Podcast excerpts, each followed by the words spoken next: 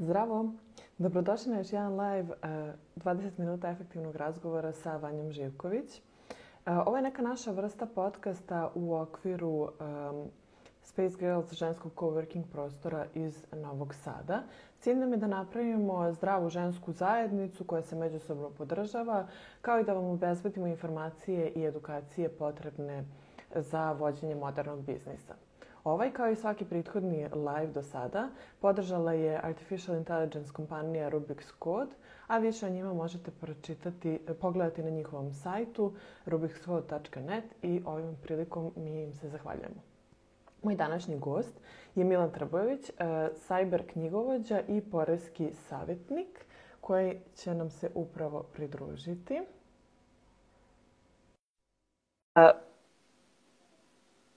Sačekat ćemo. Milan je e, specijalizovan za IT preduzetnike. Ćao Milane. Ćao, čao. Ja te upravo predstavljam. E, znači, Milan je e, specijalizovan za IT preduzetnike i male biznise. Osnivač je i vlasnik kompa cyber knjigovodstvene kompanije Knjiški moljac, kao i autor e, edukativne društvene igre Fali ti jedan papir i ukratko pronalazač leka za birokratiju u Srbiji. Da li sam nešto zaboravila? Super si predstavila. Hvala ti puno na pozivu i drago mi je što sam danas ovde. Hvala ti što si sa nama. Baš, nam, baš mi znači, baš mislim da će biti jako korisno ovaj, svima koji nas prate, eh, jer kad je birokratija u pitanju, mislim da svi imamo bar nešto što nismo sigurni kako da rešimo. E, ja bih krenula sada kako je korona, neću mnogo da se osvrćem na koronu, ali da krenemo s tim i da odmah završimo. Htela sam da te pitam iz tvog iskustva e, sa klijentima kakva je situacija? Da li se, završava, da li se zatvaraju neke kompanije, u kojoj količini, da li ima hrabrih koji otvaraju kompanije i slično?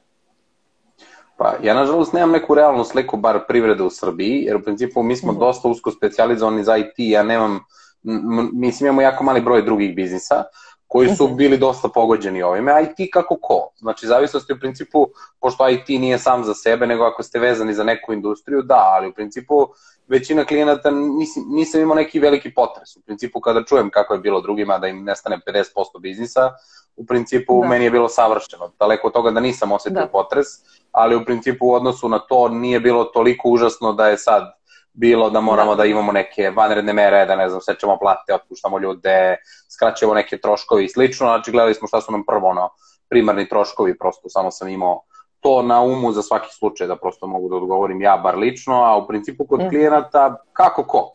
Znači bilo je, recimo marketing agencije su bile pogođene, poprilično klijenti su recimo stali mm -hmm. s budžetima, i tako. Do, mislim, realni sektor kad je bilo ono potpuno zatvaranje, naravno da je bilo. Znači, da. od restorana, koji ugostitelji koji već jesu dosta pogođeni do, mislim, raznoraznih drugih. Ali u principu bilo je i kod, kod nekih IT firmi, prosto i tu je bilo. U principu IT firma recimo da. i neko ko se bavi, ko je oglasnik na internetu, na primer, mm -hmm. a njemu se tu realni biznisi oglašavaju, tako da on je bio izrazito yes, pogođen da, i slične da, da. stvari. Evo vidiš, to mi ne bi palo na pamet, ali to je totalno realno.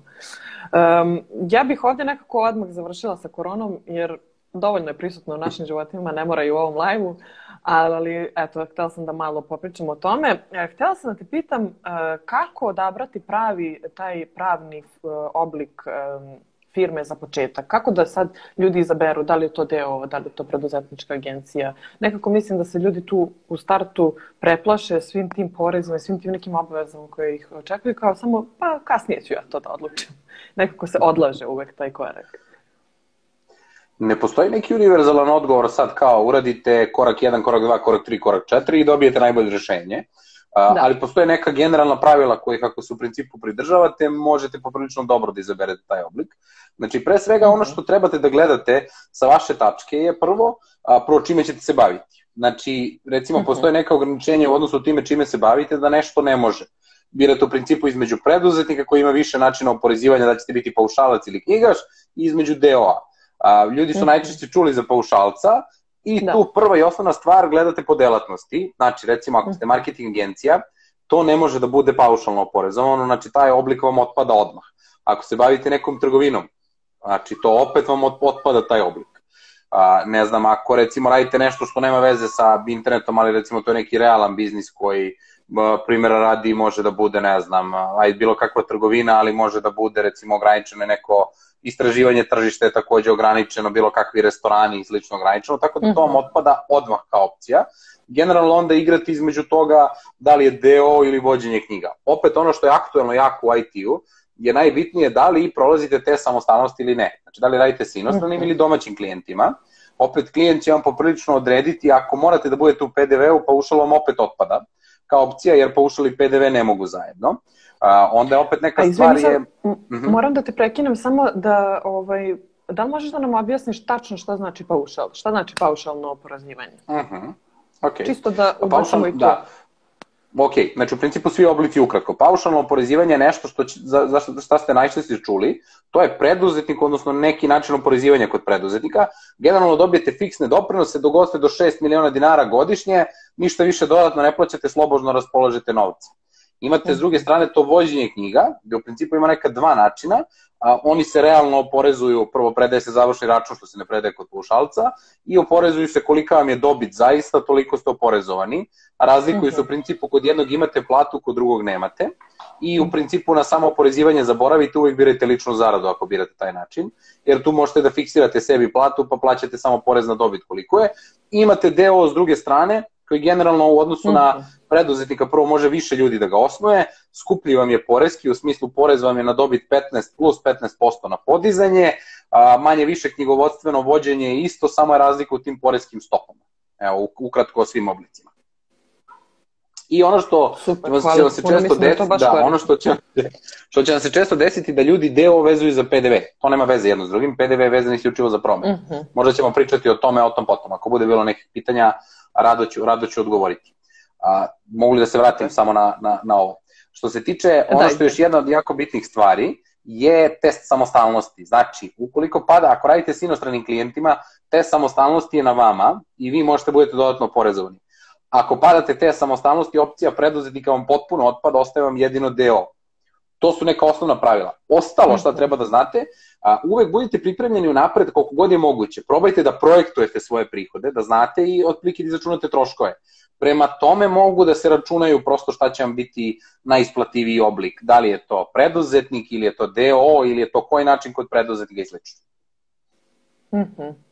Super. A kad smo kod paušala i tog testa samostalnosti, koliko je to zaživelo u praksi i koliko to pogađa druge uh, delatnosti koje nisu IT, na primjer, eto, pošto znamo sad nekako se to uvek odnosi sad na IT-evce, to je bilo baš uh, pre par meseci pre korone aktuelno, pa eto šta se s tim dešava? Ko ima prava da bude paušalac? To, da, paušalac.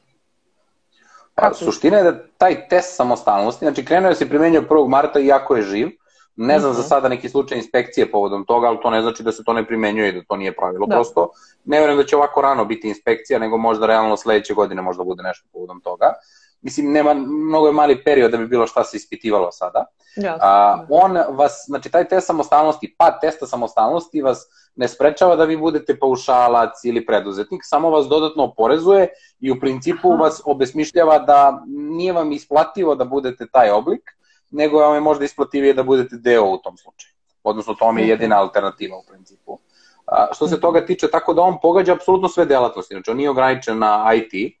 A, opet ono što je moja, ja sam usko vezan za IT, znam svakako da, da pogađa građevinu, koja je isto poprilično funkcionišala po sličnom principu a, kao IT, imala je dosta, oni su, kod njih su to podizvođači. Filmska mm -hmm. industrija, to znam, oni isto funkcionišu slično, znači imate jednu krovnu firmu koja snima film i svi ostali su u principu često bili kao paušalci. Da. Tako da poprilično je pogođeno, pretpostavljam. A, I sve druge stvari koje generalno ste vi nekoga angažovali, imali ste kontinuirani angažman s njim, a pitanje da li ste sad prolazili, da li prolazite pet, manje, da li padate manje od pet tačaka od devet koji, koji, go, koji rade te samostalnosti. Tako da, po meni, ono što ja imam iskustvo, bar iz, iz IT industrije, generalno, znači, da ne kažem 100%, ali jako visok procenat ljudi se prebacio na zaposlenje i ne žele da rizikuju da li, da li će pasti test ili neće i to je ono što ja imam, sada ne verujem da je takav baš slučaj za celom privredom, ali da. generalno poprilično je rizično da se tu kockate, naročito ako ste neki krajnji slučajevi gde prolazite četiri ili na mišiće tri, tri kriterijuma, a ostale možda možete da padnete To su onako vrlo da. granični slučajevi gde ne znam kako će to izgledati u praksi, tako da je rizično. Mm -hmm. Ali generalno, znači, svi, svi, su, svi su po testom samostalnosti, znači nebitna industrija, bilo šta. Generalno oslobođeni su neki koji su po zakonu, koji moraju, kao što su tipa advokati, koji ne, ne mogu da budu zaposleni, mislim da su javni beležnici onda sa tim slično. A, a jel se to odnosi na udruženja ili da. samo na, na da. preduzetnike? Odnosi se, znači te samostalnosti se generalno gleda, a, u principu imate dva slučaja, odnosno imate tri, ali taj s posrednikom će teško biti. Znači prvi slučaj je kada domaća firma, nebitno koji je oblik, da li je udruženje, da li je deo, da li je preduzetnik, plaća nekog preduzetnika, teret mhm. dokazivanja i teret potencijalnog poreza na tom ko plaća preduzetnika. Drugi mhm. slučaj je kad preduzetnik prima novac iz inostranstva, onda je teret na preduzetniku, jer naša porezka uprava prosto ne može da juri nikoga ko je van zemlje. I treći slučaj koji onda može da prosto proizvede jedan od ova dva slučaja, ako imate posrednika, a, tipa posrednika može da se smatra Upwork, na primjer, ili neka slična Aha. platforma, ili mogu prosto imate zaista posrednički ugovor nevezano od, od platformi, a, kako se zove, gde se vama ne gleda vaš odnos u odnosu na posrednika koji vas plaća, nego se gleda prema krajnjem onom ko, koji vas zaista plaća. Ali opet dolazite na isto, da li tipa vas domaća firma plaća preko posrednika, pa se onda gleda vaš odnos sa domaćom firmom, ili vas neka inostrana firma plaća preko nekog posrednika, pa se gleda vaš odnos sa inostranom firmom. Tako da se u suštini uvek da. svojite na dva slučaja. Ili ako je firma iz Srbije taj koji plaća na njemu je teret, ako je firma iz inostranstva teret je na preduzetniku. Ok, jasno, super. Um, imala sam jedno pitanje uh, od devojaka iz mog prostora. Uh, kada je neka uh mhm. -huh. zaposlena, a sa druge strane želi da um, legalno razvija svoj biznis, koja je najbolja opcija? Mislim, kad to tako sročno, to zvuči smiješno, da. ali mislim, koja je tu opcija za, za tu pravnu formu? Da, dosta zavisi u principu od, od realnog biznisa, znači da li je sad ono što smo pričali osnovno, da li je neki biznis koji recimo ne može da bude paušalno pa nam to otpada, da li potpada po te samostalnosti. Po meni, e, generalno jako veliki je problem ako ste vi ono, jedna osoba koja je ceo biznis, A, mhm. generalno, ako trebate da radite i slučajno padate te samostalnosti i morate da budete deo, po meni je deo više predviđen za nekoga ko će imati zaposlene, da, da. možete da, ispo, da, da ispostavite bukvalno tu strukturu gde vi odvajate vlasništvo od upravljanja i prosto ono imate, ne znam, ako, ako radite u toj firmi imate neku platu, a profit vam je nešto što ste praktično dobili na osnovu vlasništva, pa ćete dobijeti neku dividendu. Kad ste da. kao pojedinac prosto sve je jedno tu, i onda je više prilagođen preduzetnik. Tako da bih ja uvijek prvo išao da probam opciju preduzetnika, ako mogu da prođem, pa tek onda potencijalno razmišljao o DO i da li mi se to isplati. Jer u principu bit će vam dosta jednostavnije da iz radnog odnosa otvorite preduzetnika i da upravljate njime nego da imate deo. Mislim, nije znači, nemoguće opet da ga imate, ali, da. ali radni odnos u principu vas najviše, možete, pa možete tu pa, paziti ograničenja. Da nemate ograničenja da ne smete kod nekoga da se zaposlite, pa da tipa imate neke... sa ugovorom, je li tako? Da, sa ugovorom o radu ili recimo držav, neki državni službenici prosto ne smeju po sili zakona i njima zabranjeno. -huh. Ili kako se zove, mislim, najgori slučaj je verovatno da ćete izgubiti samo taj osnovni posao. Mislim, što nije samo, ali prosto da. to, to vam je rizik. Nije nedozvoljeno da imate bilo šta od toga iz radnog odnosa, tako da tu nemate nekih drugih ograničenja osim toga. Da, znači ne, što se tiče, to je samo sa strane firme, znači ne, taj vaš radni odnos tako nije ugrožen zbog neke birokratije drugog tipa, je tako? Tako je, tako da. je, tako je, ne, to, to je prosto dozvoljeno i tu, tu nema šta. A samo jedno pitanje za taj test samostalnosti, mislim, e, da li tu to znači da mi fizički to negde ili samo, da li mi to negde prijavimo ili popunimo da. ili je to samo pro forme pogledaš i kaže, aha, dobro, okej okay sam. Je se Šta to... je suština? Znači, nije, da, nije, mislim, to se formalno zove te samostalnosti. Da. U principu to je tih devet tačaka koji su u, u zakonu eksplicitno napisani kako se zove, znači ne radi se to da ti sada popunjavaš neki test pa nekom predaješ, nego je da. suština u tome da ti u stvari imaš tih devet tačaka i tvoj odnos proveravaš sa svakim preduzetnikom, da, recimo. Da, da, da. Ako si ti firma koja će njih plaćati i pripremaš dokaze u slučaju kontrole da ti dokazuješ da to jeste ili nije, Aha. što se toga da. tiče. Ali ništa ti unapred ne moraš da imaš. Da. A, moj savjet je svakako da maltene bilo kakva saradnja sa preduzetnicima ne bude bez ugovora ili neke prepiske mailom i slično, gde vi imate neke čvrste dokaze, znači ne samo vaše mhm. reči i izjave, nego neki materijalni čvrsti dokaz, da li je to prepiska mailom, da li je to neka odluka, da li je to ugovor, da li je to neka specifikacija na fakturi koja je poslata već drugoj osobi, itd., mhm. gde vi možete da dokazujete tih devet tačaka. Tako da u suštini vi se pripremate suštinski za neku kontrolu ako za ikad bude ili da. buduću, da. za ne daj Bože, ali nikom ništa unapred ne morate poslati. Ono što je jako znači, bitno, znači što, da, kod testa samostalnosti, znači vi, a, vas mogu, i ako se ispostavi da posle šest meseci se promenilo pa ste od jedan put nesamostalni, to nije prosto bitno, jer je u zakonu napisano da ste vi morali unapred da predvidite to ili da birate drugu opciju. Tako da, i ako se promeni od jedan put, ne, ne, ne, neće vam neko oprostiti kako se zove, e, sad se promenilo, pa sad možemo ponovo. Nema toga. Da, da. Dobro.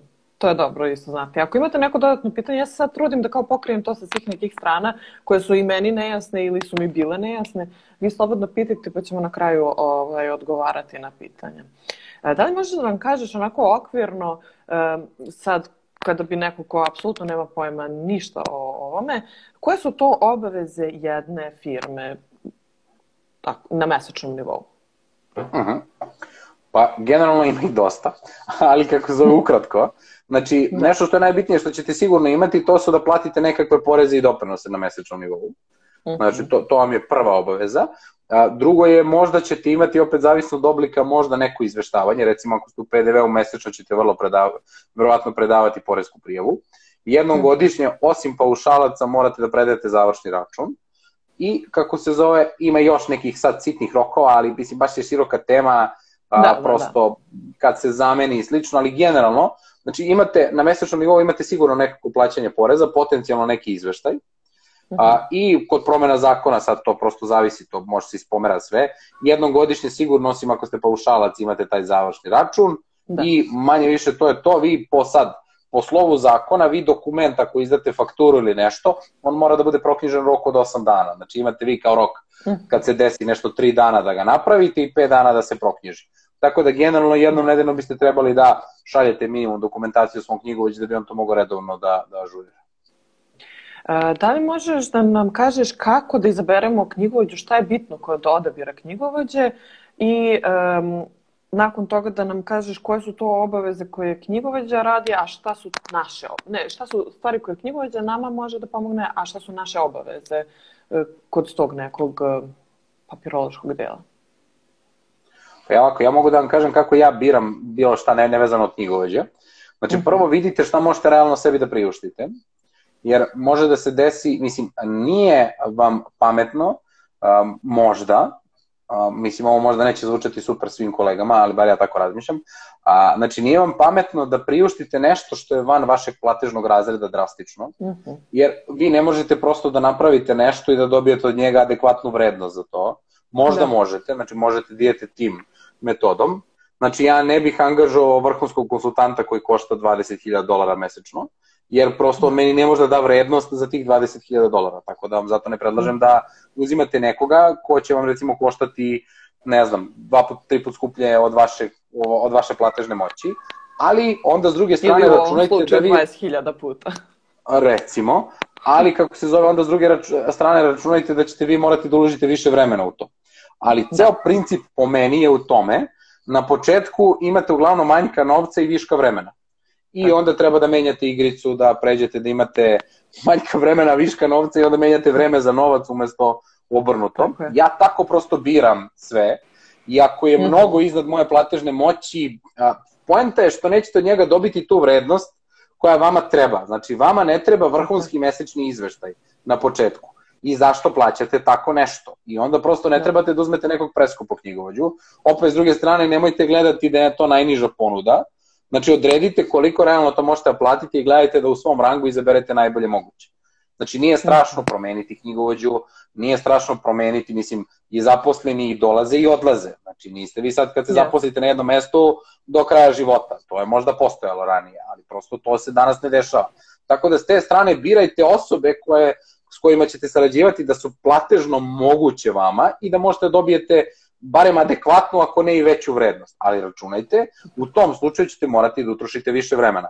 Kako vaše, mislim, prosto posle će vam biti manjka vremena, treba će vam viši nivo usluga, to ćete više plaćati, zarad toga da vi trošite manje vremena.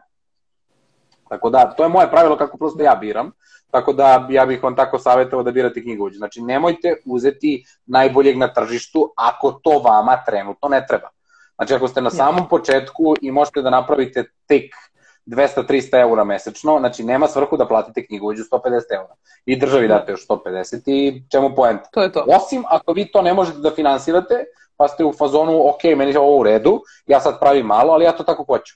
Ali generalno ne. Mislim, taj, taj, taj princip vam ne bih savjetovao da radite. Iskreno, ja vam ne bih savjetovala na početku ništa tog tipa da radite. Znači, da sve u početku, ako možete, radite sami i delegirate vreme, to je da delegirate nekome možda sa viškom slobodnog vremena koji ima interesovanje za slične stvari i tako dalje. Izvinjam se na, dis, na digresiji, da. ali eto. Generalna um, stvar je najlakši će vam biti paušalac za početak. Da. I generalno to možete najlakše sami da naučite, ali ako ne možete taj oblik da imate, nažalost, da, da, da. prosto onda ćete biti osuđeni, jer prosto mnogo vam je teško da osim paušalca radite ostalo sami. Mislim, da, da učite toliko da radite završni račun, to je suviše. Mislim, ja sam zapravo rečeno... jedne godine radila sebi za udruženje e, te stvari, prve godine Super. i čak sam dobila od pore, tamo u Poreskoj upravi su mi rekli da neke stvari ja čak ne mogu da uradim sama zato što nisam licencirani knjigovođa. Je li to istina? Pa, trenutno uopšte nije to istina. Tako da, generalno, Super. niko ne mora sam... da ima licenciranu knjigovođu. Kako se zove, takav je bar zakon. U narednom periodu postojeće nekakve licence. U narednih par godina, ali trenutno, u principu, ni jedna firma, znači čak ni deo nije dužan da ima svog knjigovođu. Znači, to firma određuje internim, mislim, internim aktom, sad nemate vi to, ali generalno zakonski vi možete da poverite nekom svom zaposlenom ili potpisujete ugovor s knjigovodstvenom agencijom, pa tim ugovorom poveravate njima vođenje knjiga. Da, Tako da, da, generalno možete da uradite sve to sami, ali kažem, ajde, udruženje, mislim, jesi imala puno promena ili, ili nisi? Ne, ja sam zapravo prijavila neaktivnost i tako dalje. E, znači, dobro, okej. Okay. Izjava neaktivnosti, mislim, da, popunila si tehnički jedan papir, ono, potpisala ga i slično. Kad imate nešto malo promena, ipak da sastavite završni, mislim, nije problem, možete da idete na kurs knjigovodstva, ali mislim da ćete mnogo odlutati od svoje osnovne delatnosti. Mislim, bolje dajte nekom makar 30, bolje dajte nekom makar 30, pa makar se vi namučili i to uradili sa njim, nego da idete da učite u tu stranu. Mislim, jer ipak vi treba se baviti svojim poslom, a ne nekim drugim. Jeste. Um, Sad, e, pitala bih te ovako, za mame preduzetnice, pošto je to naša ciljna grupa, e, mame preduzetnice i trudnoća, koje su mhm. obaveze, a koja prava mama preduzetnica? Pošto znam da je to dosta komplikovano da. E, i u nekim slučajevima se ne isplati. Ako mogu pa skoro u svim slučajevima preduzetnika, kad, si od, kad je otvoren kao preduzetnik, se ne isplati da. i to je baš, baš, mislim, loše. Ja ne znam prosto poslednjom izmenom je tako rešeno i u principu desi se često slučaj da vi generalno, ako hoćete da vam bude upisan staž u tom periodu, to koliko ste dobili od države platit ćete nazad i nećete imati apsolutno ništa. Tako da generalno u tom slučaju ja najčešće savjetujem da se tad zaposlite negde, pa da u trudnoći odete i zaposlenja, jer tada može se desiti da dobijete više i da vam bude prvo upisan staž, bez obzira što ćete dobiti ono, ona rešenja što ste vjerojatno viđali na 1000-2 dinara prosto, da. ali kako se zove sa te strane, bar ćete imati uplaćeni full staž za taj period, pa ne morate da, da kako se zove dodatno, dodatno radite, tako da generalno ono, zamolite prijatelja da budete kod njega zaposleni i od njega odete na porodiljsko A i to je, i to je red, ali mislim, uh, pa ne, ne možete sad tu puno da uradite pre ono, pre ste generalno mogli dosta da utičete praktično, mislim, verovatno su zbog toga i promenili zakon, jer ste mogli da, da utičete poprilično kolika će vam biti osnovica, jer se gledalo 12 mhm. meseci. Sad se gleda 18 meseci i ako otvorite trud kontinuiranih i ako otvorite trudničko, trudničko je znači pre nego što se porodite, gleda se 18 meseci pre tog perioda. Tako da generalno, uh, mislim, ne možete vi dve godine unapred baš toliko da planirate. Yes. Mislim, verovatno ima nekoga ko toliko planira, ali generalno ne možete toliko. Tako da tu na taj način više ne možete da utičete. Sad prosto, kad su bile zakonske izmene, jedna od prosto argumenta je bila da to radi zbog toga, jer se često dešavalo da ljudi namerno napumpaju platu kao da, da bi dobili više. Ok, mislim, imamo za, protiv, možda je to u redu, možda nije, ali prosto nema veze. Ono što se meni ne sviđa, što je prosto nije uvedena a, može da se desi da dobijete ispod minimalca. To je ono što mi se baš ne sviđa, zato što generalno gleda se vaš prosek od 18, sve mesece koje nemate se računaju kao nula. Tako da vi tehnički wow. ako imate dva meseca, pa makar imali i 200.000 platu, kad podelite da. sa 18, to će biti mnogo mala cifra. Tako da, sa te strane, to je ono što je loše, jer pre, u prethodnom zakonskom rešenju se bar upisivo minimalna, minimalna zarada u tom trenutku da. za mesece koje da. nemate. Tako da, generalno, ako to radite kao preduzetnik, mislim, ne mogu ni ovako jednostavno da vam objasnim to, ali poprilično nepovoljno i maltene za izbegavanje. Sjajno. Odlične vesti. Ako smisliš nešto što možemo da uradimo po tom pitanju, pošto je to jedno od ozbiljnijih pitanja koje bismo volili da se bavimo, ti se meni javi.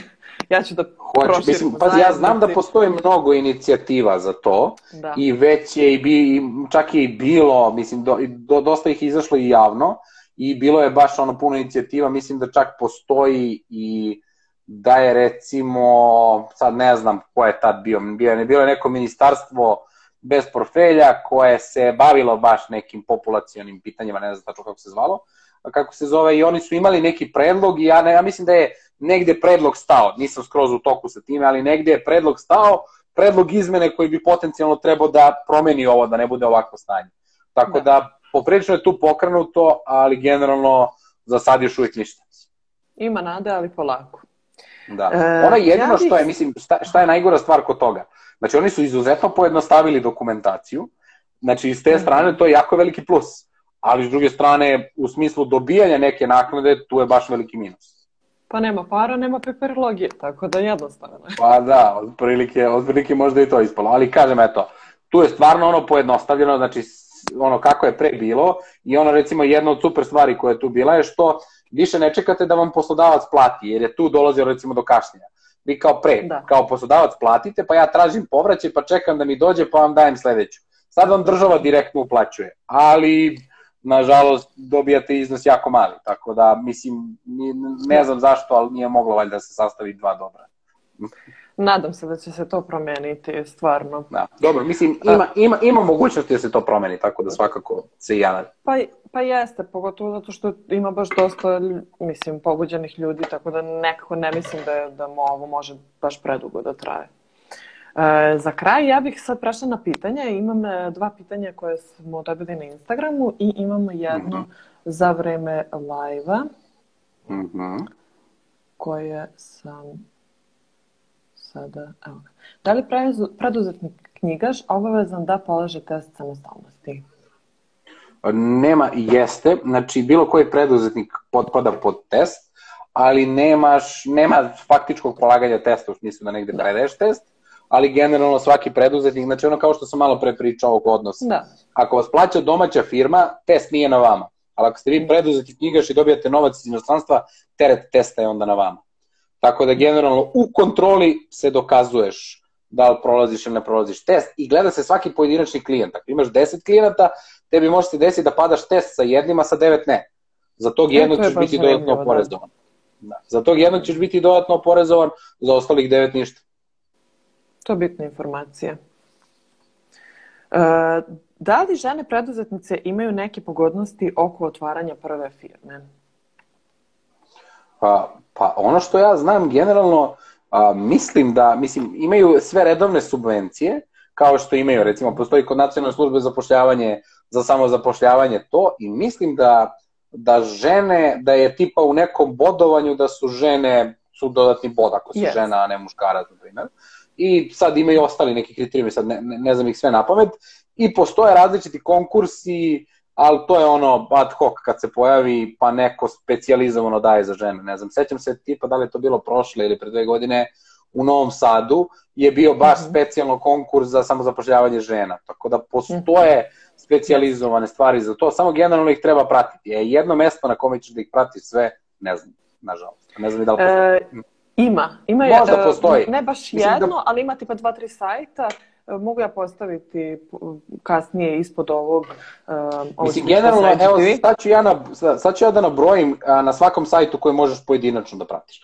Znači, imaš fond za razvoj, imaš razvojnu agenciju Srbije, imaš u Beogradu, bar pratiš grad Beograd, u, gore u, na severu pratiš kako se zove pokrajinsku, da li vladu ili administraciju i pratiš sajt svog grada, tipa Novi Sad znam da često daje posebno. Verovatno da. Niš slično, pratiš uvek sajt svog grada ili pratiš sajt svoje opštine. Imaš nacionalnu službu za zapošljavanje, a, možda pratiš ministarstvo privrede, mm, sad vidjet ćemo, znaš, ono, u svakoj vladi možda bude pripojeno nečemu ili razvojeno, pa generalno to možda pratiš, a, mislim da postoji sajt koji se zove nešto civilno društvo, gde imaš raznorazne konkurse, sve neke zbirne, a, to i sad verovatno možda pratiš, ne znam, sad posebno USAID, GIZ ili tako neke organizacije koje to daju nešto specifično. Da, Eto, evropski to je okvirno, fondovi evropski fondovi i slično, ali ono prike što ja pratim je, su ove državne institucije. Tako da duže ja, pratim imam... i Poresko i slično, ali tamo nema da. tako.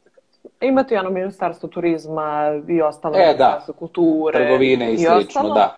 Ali e, baš postoje dva, tri sajta na kojima se trude da redovno izbacuju nove konkurse. Ja ću se potruditi to da nađem, pa ću naknadno ostaviti ovaj, u opisu ovog IGTV-a budućeg. Da, ovaj, da, da. ovaj sajt civilno društvo, ja mislim gov.rs, je generalno mhm. sajt koji bukvalno ti je kao agregat za, za sve državne konkurse. Tako da on može ti bude poprilično značajan i tu imaš, ja mislim, filtriranje po gradovima, opštinama, republika, ne znam, po oblastima, mislim, baš je dobar sajt, mislim da je državni čak to sajt. Ne znam zašto je napravljeno, nisam sam toliko u toku, ali on je poprilično dobar, recimo, za praćenje tako neke stvari. Stavit ćemo i to. Ovaj, e, sad imam jedno pitanje koje ja ne znam šta znači, ali ti ćeš verovatno znati. E, da, ne verovatno, nego da. E, da li se devizni promet iskazuje u, e sad, ovo ne znam, POP, PDV ili nešto tako, prijavi pod 1,4 ili pod 11?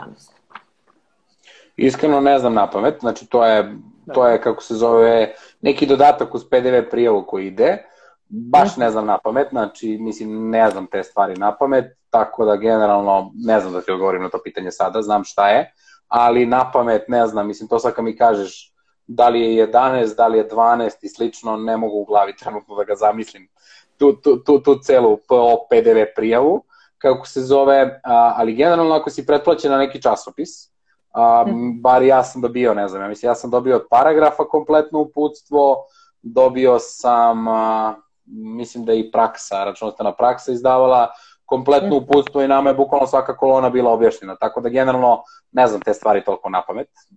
Tako da, okay, da, u principu, a izgooglaj malo na internetu, mislim da, da negde imaš objašnjeno sigurno, ne znam da li postoji baš javno, ali ako si pretplaćen neki stručni časopis, da, ako ne, generalno logički možeš da zaključuješ, jer ne znam baš na pamet takve stvari stvarno ono, iz glave. Znači, ja verujem i ne bi znao da ti kažem da. gde se upisuje provizija za izvod.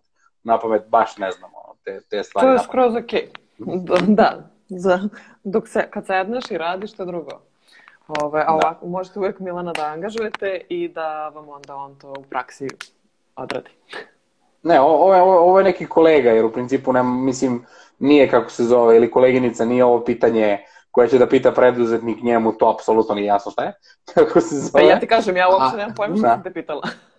Da. Tako da ako je pretplaćena neki časopis, nek proveri, ja u principu gledam prema tom priručniku i sad kad nešto ponovim sto puta, to mi ostane u glavi, ali baš sad da, da, da. da znam sve na pamet, šifre i ostalo, ne znam. To je, to mi je ono, ne znam, kao na nivou da me pitaš otprilike koje, koju šifru delatnosti da izaberem ako se bavim, ne znam, U, da, da, da, da, da. trgovinom, specializovanom, ne znam, nekom, ne znam, baš sve šifre napamet, mislim. Znam tipa 10 napamet koje najčešće koristim, ali u principu Jasne. ako ne koristim to često ne znam napamet. Jasno. E, Milane, hvala ti puno. Ja mislim da je ovo bilo baš korisno i da će ljudi uživati da slušaju i Uh, ako imate neko dodatno pitanje za Milana, vi ga kontaktirajte za konsultacije uh, ili za njegove usluge. Do možete tada... slobodno da pišete na blogu ftmp.rs, tako da tamo imate kontakt formu, možete da pišete slobodno ako imate neko pitanje, pratite i tamo. I tamo ima redovnih I... informacija, tako da yes. bit ćemo od koristi. I obavezno ga zapratite, Milan ima sjajne vide sa raznim odgovorima, odličan blog na njegovom sajtu ft1p, ostavit ću i taj link u, u opisu, tako da, eto. Milane, hvala ti puno. Ništa, hvala ti puno na pozivu svakako. Drago mi je da sam bio večeras tu. Ćao svima. Zdravo. Ćao.